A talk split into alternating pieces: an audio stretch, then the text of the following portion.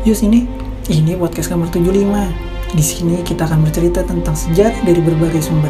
Sudah siap? Ayo mulai.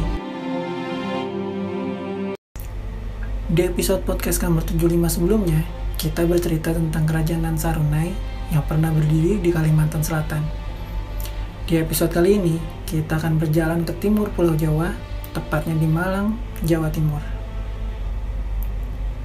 Pada masa penjajahan Belanda, ditemukan prasasti kuno di desa Dinoyo, Jawa Timur.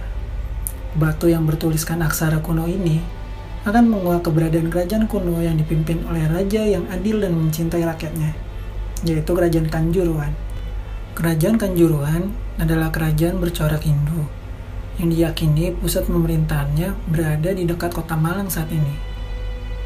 Zaman dahulu, ketika Pulau Jawa diperintah oleh raja-raja yang tersebar di berbagai daerah, seperti Raja Purnawarman yang memerintah di Tarumanegara di Jawa Barat dan sekitarnya. Maharani Sima atau Ratu Sima di Kerajaan Kalingga di Jawa Tengah dan Raja Sanjaya memerintah di Kerajaan Mataram kuno.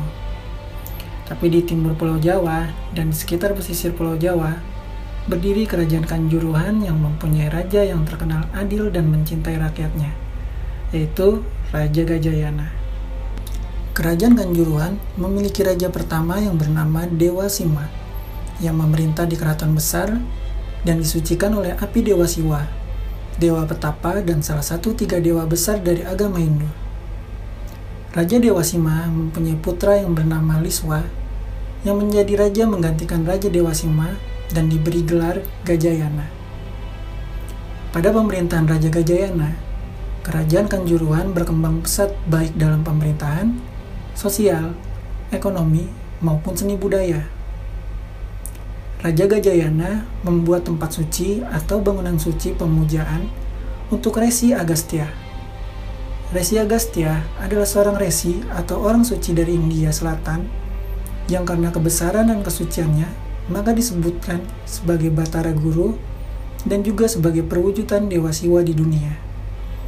Tidak hanya bangunan suci, Raja Gajayana juga membuatkan arca Sang Resi Agastya dari batu hitam yang sangat elok, menggantikan arca Resi Agastya yang pernah dibuat dari kayu oleh nenek Raja Gajayana. Raja Gajayana dalam pemerintahannya dapat membuat rakyat merasa aman dan terlindungi. Tidak ada peperangan, pencurian, ataupun perampokan di dalam kerajaannya. Dikarenakan, Raja selalu bertindak tegas sesuai dengan hukum yang berlaku. Kekuasaan kerajaan Kanjuruhan saat itu meliputi daerah lereng timur dan barat Gunung Kawi, ke utara hingga pesisir Laut Jawa. Raja Gajayana hanya mempunyai seorang putri bernama Uteyana yang mewarisi tata kerajaan Kanjuruhan. Putri Uteyana menikah dengan pangeran dari Parde yang bernama Pangeran Janania. Ketika Raja Gajayana mangkat, maka Pangeran Janania dan Permaisuri Utayana memerintah kerajaan Kanjuruhan menggantikan Raja Gajayana. Seperti yang dilakukan pendahulunya, Pangeran Janania dan Permaisuri Utayana memerintah dengan penuh keadilan. Dengan demikian, kerajaan Kanjuruhan diperintah oleh raja-raja keturunan dari Dewa Sima, yang semua raja tersebut dikenal akan kebijaksanaannya, keadilan, dan kemurahan hatinya. Pada sekitar tahun 847 Masehi, kerajaan kuno Mataram yang dipimpin oleh Sri Maharaja Rakai Pikatan Dia Saladu berkeinginan untuk memperluas wilayah kerajaan Mataram kuno. Untuk itu, dilakukanlah berbagai cara, seperti penaklukan atau persahabatan dengan kerajaan-kerajaan di daerah lainnya. Perluasan wilayah Mataram kuno tercatat hingga ke Jawa Timur, daerah di mana kekuasaan dari kerajaan Kanjuruhan dan dengan itu kemungkinan kerajaan Kanjuruhan saat itu dikuasai oleh kerajaan Mataram. Tetapi tidak ada bukti atau tanda terjadinya penaklukan atau penyerangan dari Mataram kuno kepada kerajaan Kanjuruhan. Ketika Mataram kuno diperintah oleh Sri Maharaja Rakayawatu Kuradia Balitung, Raja dari Kanjuruhan menyumbangkan sebuah candi perwara atau candi pengiring di komplek Candi Prambanan. Candi pengiring itu ditempatkan di sebelah timur kompleks Candi Prambanan. Hal ini adalah suatu kegiatan yang biasa bagi raja-raja daerah untuk pemerintahan pusatnya, agar hubungan kerajaan daerah dan pusat selalu terjalin erat. Dengan adanya hal ini, kerajaan Kanjuruhan bisa dibilang berada di bawah kekuasaan kerajaan Mataram kuno. Dan Raja Kanjuruhan pada zaman Raja Balitung diberi gelar atau sebutan Rakrian Kanuruhan yang artinya penguasa daerah di Kanuruhan. Bukti-bukti dari keberadaan kerajaan Kanjuruhan berasal dari prasasti Dinoyo yang ditemukan pada zaman penjajahan Belanda. Prasasti yang ditemukan di desa Dinoyo, Jawa Timur ini berupa lempengan batu berukir yang berisi beberapa baris tulisan dalam bahasa Sanskerta dan berhuruf Jawa kuno atau Kawi. Sedikit kata-kata dari prasasti Dinoyo ini adalah ada seorang raja bijaksana dan berkuasa, namanya Dewa Sima. Di bawah lindungannya, api putih keswara yang menyebarkan sinar di sekelilingnya. Juga Limwa, putranya, yang bernama Gajayana, melindungi manusia bagaikan anaknya. Ketika ayahnya marak langit, Limwa melahirkan anak perempuan Namanya Utayana. Dia adalah permaisuri Raja Prada Putra. Dia juga ibu Ananda yang bijaksana, cucu Gajayana. Orang yang selalu baik terhadap kaum Brahma dan pemuja Agastya.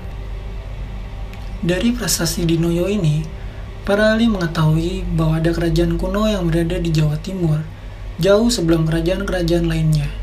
Karena pada prasasti ini terdapat penulisan tahun yang berbunyi Nayana Vasurasa atau 682 Saka yang bila dikonversi ke Masehi menjadi sekitar tahun 760 Masehi. Isi dari prasasti ini menceritakan mengenai beberapa nama raja di kerajaan Kanjuruan, yaitu Dewa Sima, Gajayana, Utayana, dan cerita mengenai Raja Gajayana yang membangun bangunan suci untuk Agastya. Ada juga pendapat dari filologi Belanda, yaitu De Paris, yang menduga prasasti Dinoyo ini berasal dari Kejuron yang kemudian dipindahkan ke Dinoyo. Di utara Kejuron terdapat candi tua yaitu Candi Badut. Diperkirakan bangunan suci yang disebutkan pada prasasti Dinoyo adalah Candi Badut ini. Candi Badut pertama kali ditemukan dalam gundukan tanah di tengah sawah oleh orang Belanda yang lalu oleh Jawatan Purbakala Hindia Belanda membangun kembali bangunan tersebut pada tahun 1925 hingga tahun 1927. Dan pemugaran kembali dilakukan oleh Swaka Purbakala Jawa Timur di tahun 1992 hingga tahun 1993. Dilihat dari namanya, yaitu Badyot, yang artinya sorot bintang kanopus atau dikenal juga dengan sorot Agastya, yang berarti candi ini bersifat siwaistik yang diduga sama dengan yang diceritakan dalam prasasti Dinoyo. Karena itu, Candi Badut diduga kuat sebagai peninggalan dari kerajaan Kanjuruhan. Ada juga prasasti Dinoyo II ditemukan kembali di sekitar daerah Dinoyo. Cerita penemuan prasasti ini cukup unik karena prasasti ini ditemukan oleh seorang tukang bangunan yang sedang mengerjakan pembangunan selokan atau saluran air pada tahun 1985. Saat pertama kali ditemukan, pekerja tersebut hanya menyangka batu ini adalah batu biasa yang menghalangi pekerjaan, sehingga batu tersebut dihantam oleh martil hingga terpecah menjadi beberapa bagian besar dan kecil. Setelah berhasil diangkat, baru disadari di atas batu tersebut terdapat tulisan kuno dan para pekerja pun melaporkan hal tersebut ke pihak kepolisian setempat. Akhirnya, batu prasasti tersebut dipindahkan ke Balai Penyelamatan Empu Purwa di Kota Malang. Walau sudah terpecah menjadi beberapa bagian, akan tetapi prasasti tersebut masih dapat sedikit terbaca. Pada prasasti Dinoyo II ini, memuat tahun 820 Saka atau sama dengan tahun 898 Masehi, menjadikan Prasasti ini sebagai prasasti tertua ketiga yang ditemukan di Malang. Itulah sedikit cerita dari Kerajaan Kanjuruhan.